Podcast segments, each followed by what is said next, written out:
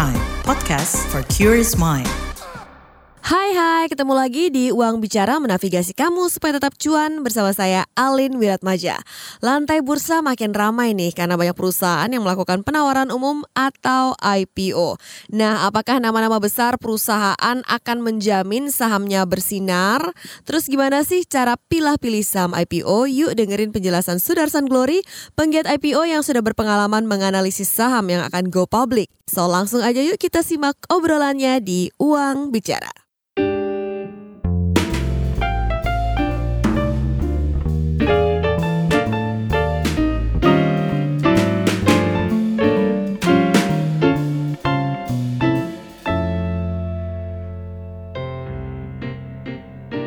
Halo Sudarsan Glory, apa kabar? Halo Cialin, baik Ci. Cialin gimana kabarnya? Sehat-sehat, seneng banget nih akhirnya bisa IG live sama Sudarsan Glory. Teman-teman mungkin udah familiar ya dengan Sudarsan atau yang saya biasanya panggilnya Sansan. Sansan ini sering banget membuat konten edukasi soal saham-saham IPO dan dia nggak cuma bikin konten edukasi tapi dia bener-bener transparan kapan dia beli, berapa belinya dan kapan dia jual seperti itu. Jadi intinya walk the talk ya kayak gitu. Iya Sansan kita mau ngobrolin soal saham IPO uh, mau lihat fenomena dulu Sansan iya, kenapa sih betul. kalau menurut Sansan nih lagi rame banget musim IPO di bulan Juli betul ini. Ci. Nah mungkin yang pertama tuh karena kan kalau proses IPO itu kan biasanya emang agak panjang ya. Mm-mm. Dan mereka tuh ada tahap-tahapannya rek 1, rek 2, rek 3 kayak gitu Ci. Nah tapi alasan terbesar kalau menurut aku pribadi ya. Karena di bulan September itu ARB-nya udah simetris Ci. Jadi mereka tuh coba kejar sebelum ARB simetrisnya dimulai. Karena kalau udah dimulai nih, itu pastinya resikonya kan makin gede. Jadi itu akan menurunkan minat investor untuk masuk ke saham IPO. Oke, jadi itu ya mungkin memanfaatkan momentum sebelum ARB berlaku simetris lagi. Nah, kalau terkait dengan saham IPO ini pernah mengalami juga kah menyesal jual terlalu cepat atau terlambat menjual? Ini seperti apa yang bisa dilakukan oleh para trader ataupun investor yang biasanya transaksi di saham IPO Sansan? Nah, jadi bukan hanya saham IPO lah, Ci. Semua saham sih. Kalau kita trading juga kadang kalau kita nggak jual di harga tertinggi kan ada penyesalan kayak gitu ya.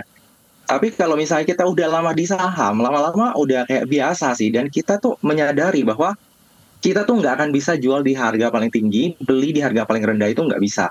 Kalau di saham IPO, kalau aku tuh punya prinsip biasanya kalau sahamnya udah nggak kuat naik lagi, biasanya aku jual.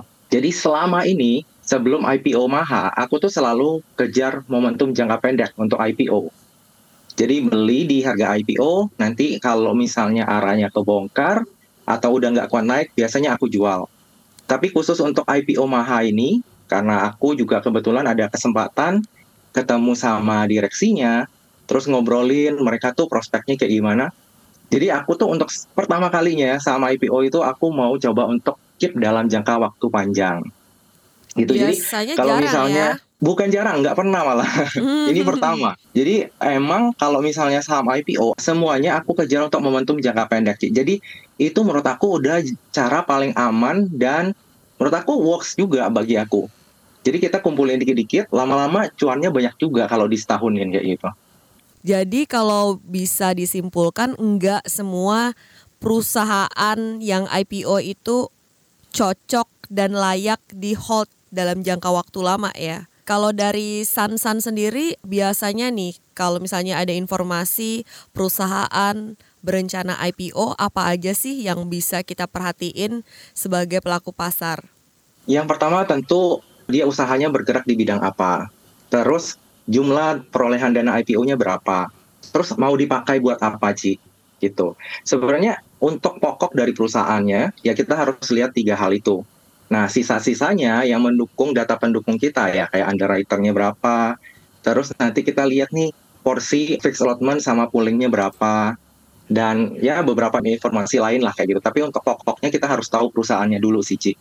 Apa aja sih yang biasanya ini tuh red flag gitu kalau IPO tuh Sansan? Kalau secara umum, kalau misalnya saham itu uh, atau perusahaan itu IPO buat tujuannya divestasi saham, Ci. Nah itu udah red flag banget. Beberapa perusahaan sih emang ada juga yang mau divestasi, tapi nggak secara terang-terangan sih. Nah, kalau misalnya udah terang-terangan di prospektus, ada baiknya sih dihindari karena ya udah terang-terangan lah. Mereka tuh mau melepas kepemilikan saham lamanya, kayak gitu Ci. Private placement beda lagi, itu kan emang udah disasar nih uh, untuk investornya. Tapi kalau divestasi, dia tuh emang jualannya ke orang-orang yang kayak kita nih yang ngambil di pooling. Jadi beda lagi sama private placement.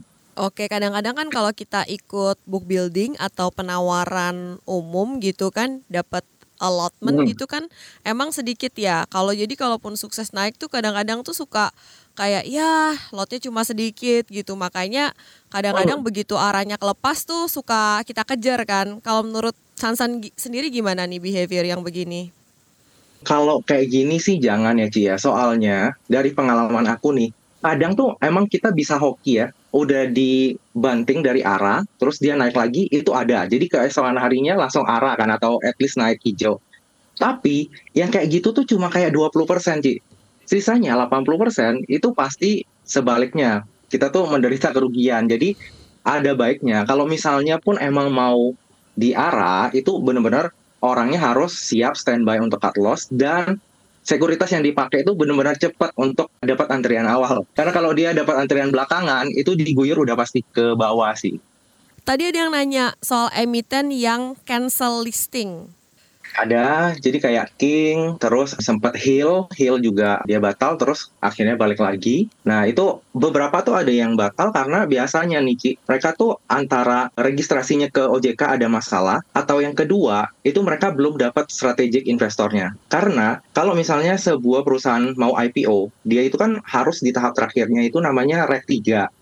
Nah, Reg 3 itu udah harus ada investor strategicnya di fixed allotment. Jadi kan kalau misalnya kita beli di IPO ataupun di IPO dari sekuritas, itu kita beli di poolingnya, Ci, bagian poolingnya.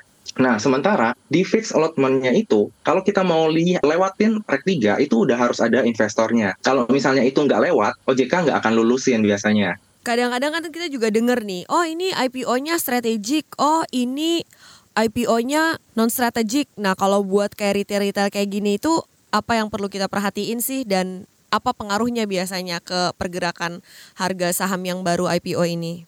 Kalau strategik ya itu sebenarnya terbagi dua lagi ya, Ci ya. Mm-mm. Kenapa strategik itu kadang menarik, kadang enggak? Karena kalau misalnya strategik, kan investornya itu emang mau keep dalam jangka waktu panjang ya, Ci ya. Jadi Mm-mm. dia nggak akan ngapa-ngapain tuh sahamnya, dibiarin aja sesuai market. Tapi ada lagi yang di mana strategik, tapi dia tuh dapatnya dikit karena rebutan sama yang lain. Nah biasanya kalau misalnya strategiknya kayak gini, itu lebih bagus untuk momentum jangka pendek karena dia akan beli lagi di market sekunder. Nah, Hmm. Terus kalau misalnya kita lihat kadang ya saham yang arah berjilid-jilid itu rata-rata nih ya kalau misalnya fundamentalnya nggak bagus itu pasti dia nggak ada investor strategik gitu karena ya emang dari sekuritasnya ya bantu cariin investor dan ya mereka karena dapat jatahnya lebih besar mereka pasti maunya naikin dulu kayak gitu Ski, biar bisa dapat untung juga. Nah, sekuritas Mm-mm. sebagai penjamin emisi itu maksudnya gimana nih? V Pratama nanya. Nah, jadi peranan sekuritas itu kalau untuk saham IPO, nah dia tuh salah satu fungsinya adalah cari investor juga. Terus ada sekuritas yang bantuin dari A to Z-nya juga. Jadi perusahaan datang ke sekuritas, aku udah kenal nih bagian IB-nya, aku datang ke sekuritas, nantinya sekuritasnya yang akan bantuin dari A to Z-nya. Tapi ada juga yang enggak nih, ada sekuritas yang maunya, oh kamu udah harus proper dulu datang ke aku, baru aku nanti bantuin ke OJK dan lain-lain. Nah, sebagai penjamin emisi, sekuritas itu ada kayak aturan nggak tertulis bahwa dia tuh harus cariin sih untuk investornya gitu. Yang dalam artian untuk bisa lewatin reg 3 tadi. Namanya aja penjamin emisi ya. Jadi dia harus yang emang menjamin bahwa dananya itu ready buat IPO. Oke. Ada yang Hmm. nanya apakah ada perbedaan porsi penjatahan apabila kita ordernya di book building atau di penawaran umum? Nah, jadi nggak ada, Ci. Sama Hmm. sekali nggak ada. Dulu pertama kali aku mulai order saham IPO di EIPO, aku kan kira tuh kita kalau book building itu lebih enak. Ada kemungkinan mungkin dapat jatah lebih banyak ya, dan kita yang menentukan harga. Tapi makin ke sini aku makin tahu bahwa book building itu sebenarnya ya dikhususkan bagi investor-investor yang fixed allotment sebenarnya. Kalau kita sebagai retail yang beli di IPO, ya itu ikutan offering aja. Lebih aman karena harganya udah final dan prospektus pada saat masa offering itu juga udah final. Karena ada beberapa kejadian, ada yang warannya itu di prospektus awal misalnya 5 banding 2, tapi pas di prospektus final dia malah jadi 5 banding satu contohnya kayak gitu. Hmm. Jadi bisa berubah. Lebih amannya buat kita beli di offering sih untuk IPO. Surya Tama, koh apakah investor retail bisa dapat fix allotment? Nah, kalau itu tergantung lagi dari perusahaannya. Kayak kemarin contohnya yang mundur ini ya, akseleran. Itu kan dia menawarkan fix allotment juga ke semua retail contohnya. Nah, kalau ceritanya kayak gitu ya bisa dapat fixed allotment-nya. Atau kayak dulu contohnya Goto. Goto, saya Goto dapat itu menawarkan sebagai nah, retail. Iya, nah ada juga yang kayak gitu Ci, gitu. Cuma bedanya adalah kalau misalnya nih akseleran jadi listing ya, menurut aku 90% sih dia di hari pertama tuh pasti turun. Karena yang dapat fixed allotment-nya adalah retail. Dan kalau misalnya retail yang dapat fixed allotment, kayaknya nggak ada big fun yang mau naikin sih kayak gitu. Kalau Goto kan beda cerita. Kalau Goto walaupun kita dapat settlement, uh -uh. tapi asingnya dikasih jatah dikit. Iya. Dan karena market cap Goto itu gede, mau nggak mau asing harus ambil. Betul. Gitu makanya Goto di hari ya. pertama masih bisa naik. Mm -hmm. Anyway, ini ada pertanyaan dari Lukas Lee. Gimana pandangannya ke prospek IPO saat arah ARB simetris nanti? Nah, apa yang perlu diperhatiin nih dari retail gemes di market? ya, tentunya kalau misalnya ARA dan ARB udah simetris, kita order saham IPO itu udah harus lebih eh, hati-hati lagi, Ci, karena resikonya tentunya udah lebih gede kalau dulu misalnya ARB berjilid-jilid itu kan cuma tujuh persen, tujuh persen, tujuh persen kan. Kalau sekarang kita kan udah ngalamin sendiri nih uh, ada saham IPO yang belum lama listing, nggak berapa hari udah ke 50 kan. Karena dia tuh seharinya 15 persen, 15 persen. Apalagi nantinya kalau misalnya udah simetris. Misalnya dia di harga 100 IPO, dia tuh arahnya bisa 130 uh, 35 persen ya berarti di 135. Mm -hmm. Tapi dia juga bisa loh ARB ke 35 persennya. Jadi itu kalau mau ke gocap tuh cepat banget dan resikonya benar-benar tinggi. Makanya nantinya kalau misalnya kita mau tetap ikutan uh, meraup cuan ya di saham IPO, itu tuh kita benar-benar harus tahu dia tuh tujuannya apa, bisnisnya oke okay nggak, terus siapa sih di baliknya kayak gitu Ci. Soal ini pakai UE langsung dengan UE tidak langsung apa kok katanya bedanya? Mungkin yang dimaksud itu orderan ya Ci. Misalnya hmm. UE-nya KI, kita pesan dari misalnya dari Stockbit, dari XL itu gimana kan? Sebenarnya kalau misalnya untuk kita retail nggak ada pengaruh. Karena kalau yang pengaruh itu misalnya dia underwriternya KI, pengaruhnya apa sih? Kalau misalnya kita adalah orang yang dapat fixed allotment, itu kita harus pakai KI. Bedanya cuma di situ doang. Sisanya kalau misalnya enggak ya sama aja. Baik, kalau untuk IPO ada yang ngasih pemanis waran, ada yang gak ngasih waran. Apakah itu mempengaruhi pergerakan sahamnya pada saat listing di hari-hari awal? Biasanya ada, Ci. Kalau misalnya saham itu nggak ada waran, biasanya tuh dia lebih pede ya. Emang perusahaannya itu lebih bagus. Kenapa? Karena waran itu ya emang cuma pemanis. Kalau di zaman ARB belum simetris nih ya, hampir semua retail itu pasti ngambil yang ada warannya karena kita bisa dapat cuan juga dari warannya. Contohnya beberapa saham yang dulu saya review itu saya malah bikin di thumbnail saya pasti cuan gitu ya. Karena waran itu rata-rata dulu ya, zaman dulu itu dia di harga uh, hari pertamanya itu paling kayak di 15, 10 lah paling mentok kan. Sementara kalau misalnya sahamnya IPO di harga 100, turun ke ARB pun itu kan artinya di 93 ya harganya ya. Hmm. Itu cuma turun 7 perak. Sementara kalau kita berhasil jual warannya di harga 10, itu kita udah selisih 3 perak, cuan 3 perak kan. Jadi itu kita untung nih Ci ibaratnya. Cuma untuk saat ini mainnya udah beda lagi dan market itu kan selalu berubah ya. Jadi kita juga hmm. harus beradaptasi. Dan rata-rata kalau misalnya saham IPO yang nggak ada waran, dia itu mainnya lebih panjang. Kalau ada waran, biasanya 1, 2, 3 hari walaupun naik, biasanya ambrol kayak gitu. Balik-balik nanti ke fundamentalnya lagi. Itu dia penggiat IPO Sudarsan Glory yang udah jelasin cara menganalisis saham-saham IPO. Masih ada banyak obrolan menarik lain di bagian selanjutnya, so jangan ke mana-mana. Tetap di Uang Bicara. Lihat Instagram, isinya temen-temen yang struggle buat achieve goals-nya. Buka TikTok, ada aja yang flexing. Ada juga yang set, sampai mewek. Tapi pas dengerin podcast, nemulah itu podcast. Namanya Disco. Ya, pas banget lagi dibahas. Kalau orang yang sudah biasa misalnya flexing, ketika nggak flexing kok kayaknya ada yang kurang gitu. Jadi cemas nih.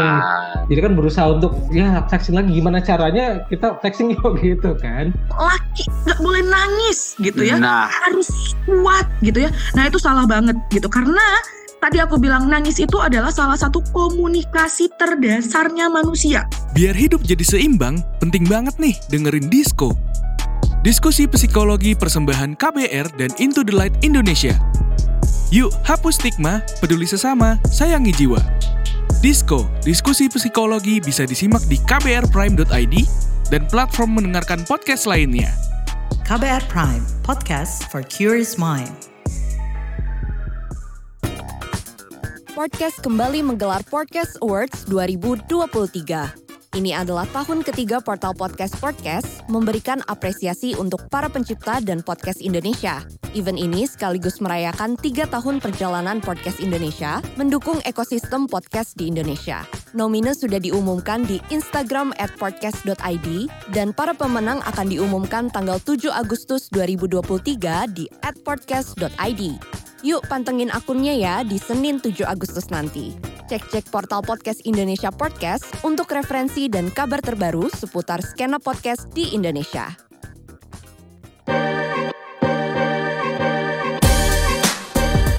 KBR Prime, podcast for curious mind.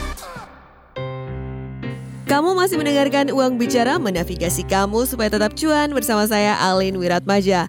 Di episode kali ini ada penggiat IPO Sudarsan Glory yang lagi sharing soal cara gimana kita bisa pilah-pilih ulak-ulik saham IPO. Kita lanjut lagi yuk.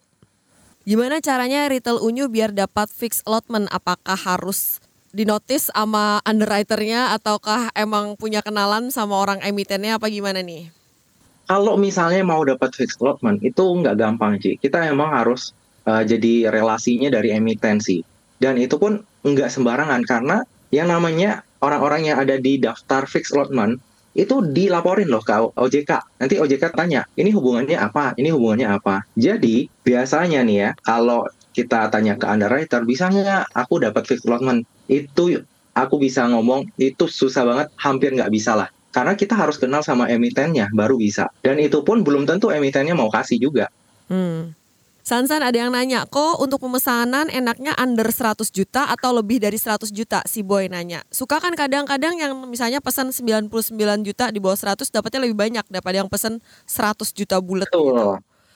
Iya, jadi karena penjatahan itu ada dua, Ci. Penjatahan retail dan penjatahan bukan retail. Kalau misalnya 99 juta ke bawah, itu penjatahan retail. Kalau kita order di atas 100 juta, itu masuknya nanti penjatahan bukan retail. Itu rasionya 2 banding 1. Jadi contohnya untuk 300M nih contohnya ya. Untuk penjatahan bukan retail, itu nanti 200M-nya di atas. Sementara sisanya 100M-nya di bagian bawah, penjatahan bawah nih. Sementara kalau misalnya kita retail unyu-unyu ya, kita kan pesan misalnya 10 lot, 10 lot tuh banyak ya. Walaupun kita jumlahnya, kuantitinya lebih banyak, Hmm. tapi kualitinya itu lebih kecil. Makanya rata-rata penjatahan bawah itu selalu lebih besar. Dan itu bagus, Ci. Kenapa? Karena kalau misalnya penjatahan atasnya yang gede, itu berarti big fund ataupun paus-paus di bursa saham kita itu nggak tertarik beli saham IPO itu. Makanya cenderung turun kalau misalnya penjatahan atas itu lebih besar daripada penjatahan bawah. Nah, terkait dengan reputasi-reputasi underwriter ini, apa nih yang bisa insight dikasih oleh Sansan buat kita sama-sama merhatiin bersama tanpa sebut nama. Nanti kita bahaya teman-teman ya. Nanti ada yang tersinggung. Baik. Silakan Sansan. Ini, iya Ci. Eh, jadi bisa dibilang tuh aku gara-gara bikin konten gini ya, ada lumayan privilege lah, kenal beberapa sama orang IB sekuritas ya. Nah, Mm-mm. Kenapa underwriter tertentu itu kalau mengawal saham IPO, at least dia tuh tutup di zona hijau lah, nggak sampai merah gitu kan. Mm-mm. Karena mereka tuh ada reputasi Ci. Dan untuk masuk ke sekuritas itu, misalnya kita mau minta sekuritas A ya, yang IPOin perusahaan kita, itu mereka minta syarat juga, Ci. Contohnya PI-nya maksimal 20 kali. Uh, terus harus minimal omsetnya sekian. Terus syarat-syaratnya ada lagi gitu dan fee-nya biasanya lebih mahal juga. Karena mereka udah mempersyaratkan hal seperti itu, kalau misalnya IPO-nya nggak dijaga, ya reputasi mereka juga jelek. Dan jangan kira mereka itu aksesnya kayak kita yang retail ya, nggak ada akses. Kalau misalnya mereka tuh, Ci, perusahaan-perusahaan gede, mereka tuh punya akses ke orang market. Jadi tahu nih, uh, oh sekuritas ABC dia tuh reputasinya bagus. Kalau misalnya dia mengawal saham IPO, at least pas direksi emiten itu pencet bell di BI, itu masih hijau, enggak sampai merah atau ARB. Karena itu lumayan harga diri juga sih menurut aku ya, yang udah beberapa kali ke BI melihat pencet bell saham IPO itu. Mereka tuh juga ada lah melihat hal-hal seperti itu dan makanya underwriter itu berpengaruh Baik, tadi ada yang nanya juga, kenapa kok baru listing udah merah kayak gitu IPO? Kenapa menurut Sansan? Ya secara sederhana sih karena nggak ada yang nahan di bid ya Ci. Mm -mm. Kalau misalnya perusahaannya nggak bagus, terus orangnya nggak tahu nih siapa yang ada di baliknya, yang mau ngebit siapa, gitu kan? Sederhana itu sebenarnya, karena nggak ada yang mau ngebit gitu. Baik. Dan nilai IPO itu ya berapa yang mau diraih dana segar dari IPO ini apakah juga menentukan kelenturan atau kelincahan pergerakan sahamnya nih Sansan? Iya Ci, tentu. Kalau biasanya yang di bawah satu triliun itu biasanya lebih lincah Ci. Kalau udah di atas satu triliun itu berat. Biasanya big fund-nya pun biasanya mereka nggak mau ngangkat, tapi mereka nahan aja di bid biasanya. Itu karena ya mau duit seberapa banyak tuh ngangkat itu kan kalau misalnya market cap-nya gede. Nah, apa aja sih menurut Sansan mitos-mitos soal IPO zaman dulu yang sekarang tuh sebenarnya tuh udah nggak terlalu relevan. Jadi kita harus hati-hati juga, jangan dimakan mentah-mentah gitu loh. Jelas kan kalau misalnya orang bilang IPO itu kan biasanya pilihannya dua sih. Kalau nggak ARA, ARB. Mm -mm. Nah, mungkin dulu iya. Kenapa? Karena dulu itu poolingnya cuma satu persen. Jadi 99% barang dipegang sama big fund ataupun orang yang punya fixed allotment kan. Mau ngangkatnya itu gampang. Makanya kalau nggak ARA ya ARB.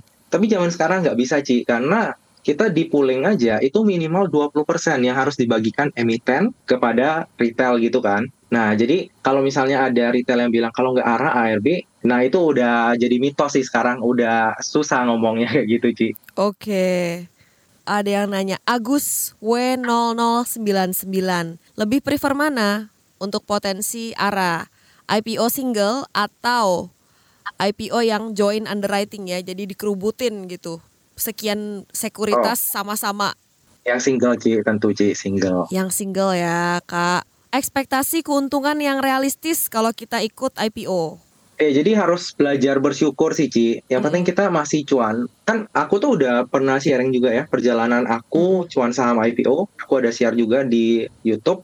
Benar-benar exactly aku jual kapan dan belinya berapa lot, dapat penjatahannya berapa lot.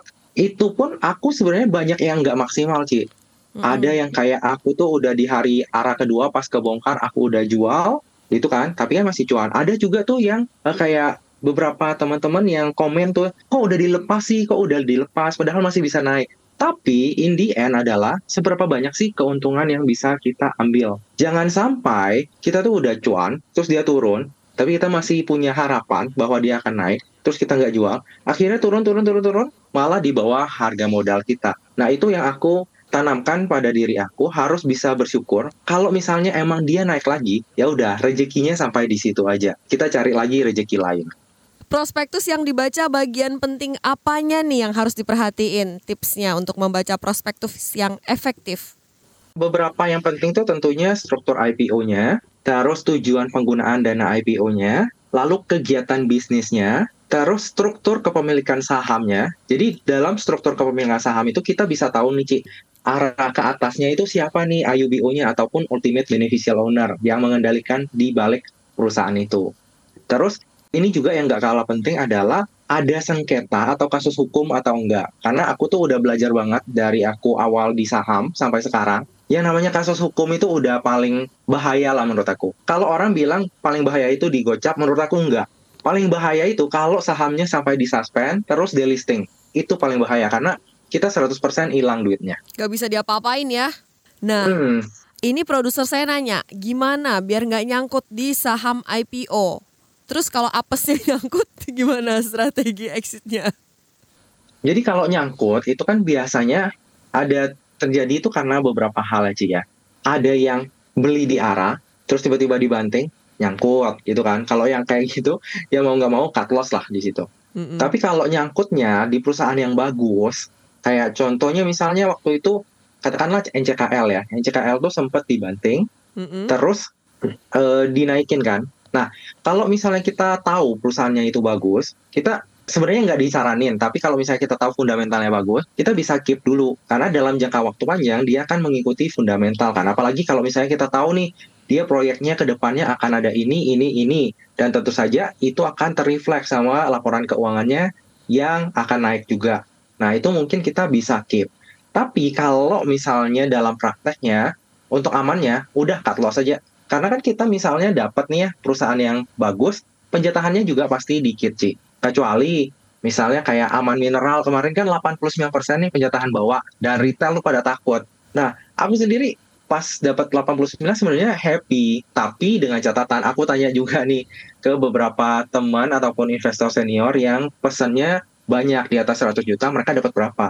Nah, mereka dapat 16% ya lebih tenang lah. Intinya kalau bagi aku, screening pertama tentu saja dari prospektus. Kedua, cari informasi lagi antara dari internet, orang sekuritas, dan lain-lain. Aku screening lagi. Terus yang ketiga, pas masa offering, itu animo masyarakat itu gede nggak ke saham IPO ini. Nah, terakhir di penjatahan. Kalau misalnya penjatahan atas lebih kecil daripada penjatahan bawah, itu most likely lebih aman ya untuk hari pertamanya listing. Dan jangan lupa, jangan antri di arah di hari pertamanya listing. Walaupun itu animo masyarakatnya kenceng banget. Kecuali kalau misalnya kamu emang sekuritasnya itu kenceng banget sampai kamu bisa dapat antrian awal. Kalau enggak, mending jangan lah. Untuk misalnya IPO nih, di cancel nih San. Terus nanti dia IPO lagi, cari timing yang lain. Itu sebenarnya pertanda baik atau mendingan kita harus hati-hati?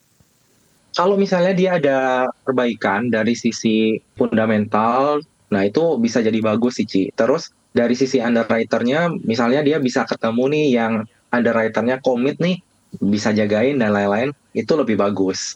Jadi menurut aku sendiri, karena aku juga belajar dari pengalaman Hill ya, kemarin kan, Hill itu listing setelah PGEO listing nih Ci. Mm-mm. Jadi IPO Jumbo diterusin sama Hill lagi yang lumayan banyak juga nilai emisinya. Mm-mm. Akhirnya aku skip. Padahal kalau misalnya aku lihat dari foundernya sendiri itu emang sampai sekarang kan masih in charge ya di Hill dan harusnya bagus. Apalagi dia ke nikel juga. Tapi waktu itu aku nggak berani beli karena yang pertama ya dia ada historical batal dulunya. Mm-mm. Terus setelah itu juga harganya malah lebih mahal dari harga sebelumnya. Walaupun sebenarnya sama sih, beda nominal sahamnya doang. Cuma ya kalau misalnya Cici tanya apakah kalau misalnya sebelumnya batal dia comeback lagi, apakah lebih bagus atau lebih jelek? Menurut aku tergantung. Baik.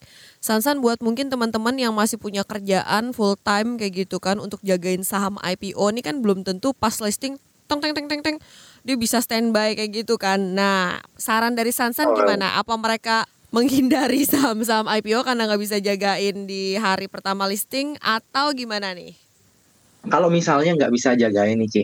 Yang pertama, bisa pakai trailing stop. Di beberapa perusahaan sekuritas ada. Tapi ini juga agak mengkhawatirkan. Karena kalau misalnya diguyur beberapa papan sekaligus, biasanya trailing stopnya itu telat ngikutin. Nah, pilihan kedua, kalau misalnya emang nggak bisa standby nih jam 9-an ya, pilihlah saham-saham dengan fundamental yang bagus. Yang kalau misalnya amit-amit pun dia turun, kita itu keep-nya masih tenang. Gitu. Jadi kalau mau misalnya nambah beli ya? Betul, kalau misalnya perusahaannya kita udah tahu PR-nya mahal banget, terus nggak ada prospek, ya kayak gitu bagi orang kantoran yang nggak bisa punya waktu standby jam 9, mending dihindari. Karena kalau kita nggak ikut, itu kita nggak rugi apa-apa, Ci. Tapi kalau kita ikutan, tapi kita nggak bisa standby, kita malah meresikokan modal kita. Baratnya kayak gitu. Baik. Rashid DSB nanya strategi scalping atau swing di saham IPO. Sebenarnya kalau saham IPO ini apakah cocoknya di gimana ini kalau strategi tradingnya? Atau apa yang perlu diperhatiin? Mana yang cocok swing mana yang cocok scalping mana yang cocok buat investing? Kalau misalnya saham IPO itu justru para scalper tuh suka banget sih mm -hmm. jadi kayak ya beberapa orang yang udah hebat banget scalper mereka tuh justru suka scalping di saham IPO yang bagus karena volatilitasnya itu tinggi banget dan itu liquid banget sih beberapa hari setelah IPO itu. Jadi justru mereka tuh senang. Kayak di Maha ini scalper pasti banyak banget. Yang tek tek tek tek tek kayak gitu. Jadi ya kalau misalnya mau scalping di saham IPO pilihlah yang bagus juga.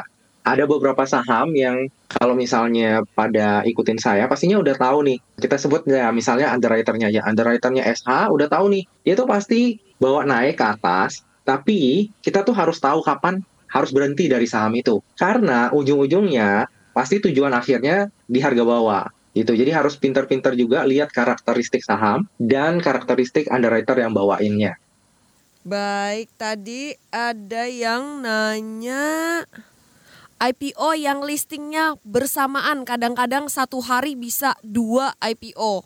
Itu pertanda baik atau buruk? Bagus nih pertanyaan Oktagram 88 udah jelas ya bahwa dana dari masyarakat akan terbelah sih apalagi misalnya sama-sama perusahaan bagus nih dua-duanya itu akan terbelah. Tapi kalau misalnya kita lihat momentum jangka pendeknya ya kalau misalnya sama-sama bagus ya itu akan tetap bagus sih. Tapi kalau misalnya ada empat di atas tiga lah. Menurut aku di atas tiga itu udah susah. Pasti bakalan ada dua yang dikorbanin biasanya di market itu. Kalau misalnya ada empat nih yang IPO barengan duanya pasti merah biasanya itu jadi kalau misalnya bisa itu ya memang kalau satu hari satu ya lebih bagus. Tapi aku juga pernah tanya mekanismenya ke orang market juga. Nggak bisa segampang itu Ci karena dari OJK kasih jadwalnya itu ya itu emang mereka ada jadwalnya tersendiri lah. Dan kita tuh nggak bisa kayak oh aku mau request dong aku nanti di hari Jumat aja untuk listingnya hari bagus gitu-gitu. Nah itu nggak bisa Ci. Jadi ya emang dari emitennya nggak bisa menentukan juga. Makanya agak sulit kalau misalnya kita maunya listingnya satu hari satu gitu. Emiten juga mau supaya dananya terserap bagus kan, tapi ya itu nggak bisa. Bukan di otoritas mereka gitu ya, bukan di tangan mereka. Betul. Nih. Jadi ada pengaruh. Sansan uh, closing yeah. statement dong sebelum kita menutup uh, perbincangan di malam hari ini. Kalau misalnya kita bicara saham IPO, Ci, pastikan hmm. kita itu jangan FOMO. Hmm. Karena yang namanya IPO itu akan ada tiap tahunnya Ci. Jadi bukan hanya satu kali aja satu bulan. Jadi pilihlah saham IPO yang benar-benar kamu yakin kamu udah analisa bagus dan kamu bisa cuan dari ikutan IPO tersebut. Dikit-dikit-dikit lama-lama juga jadi banyak. Jadi jangan fokus untuk FOMO ngambil keuntungan gede terus malah ujung-ujungnya loss. Tapi nggak apa-apa, kumpulin dikit-dikit-dikit cuannya, lama-lama juga jadi banyak kok kalau udah jadi banyak nanti kamu mau ngapain juga lebih enak. Itu tadi penggiat IPO Sudarsan Glory. Tadi kita sudah ngobrolin soal strategi dan cara menganalisis saham IPO. Semoga episode ini bisa membantu kamu ya untuk lebih cermat saat memilih saham-saham yang baru go public biar nggak FOMO dan berakhir nyangkut. Nah kalau kalian punya kritik, saran, masukan, ide keren seputar keuangan dan ekonomi yang perlu kita bahas di podcast Uang Bicara, saya ajak untuk kirim email ke podcast at kbrprime.id dengan subjek Uang Bicara. Saya Alin Wiratmaja pamit, jangan lupa dengerin terus Uang Bicara menavigasi kamu supaya tetap cuan setiap Kamis di KBR Prime, Spotify, Apple Podcast, dan platform mendengarkan podcast lainnya. Bye-bye! Podcast kembali menggelar Podcast Awards 2023. Ini adalah tahun ketiga portal Podcast Podcast memberikan apresiasi untuk para pencipta dan podcast Indonesia. Event ini sekaligus merayakan tiga tahun perjalanan podcast Indonesia mendukung ekosistem podcast di Indonesia. Nomine sudah diumumkan di Instagram at podcast.id dan para pemenang akan diumumkan tanggal 7 Agustus 2023 di at podcast.id. Yuk pantengin akunnya ya di Senin 7 Agustus nanti. Cek-cek portal podcast Indonesia Podcast untuk referensi dan kabar terbaru seputar skena podcast di Indonesia.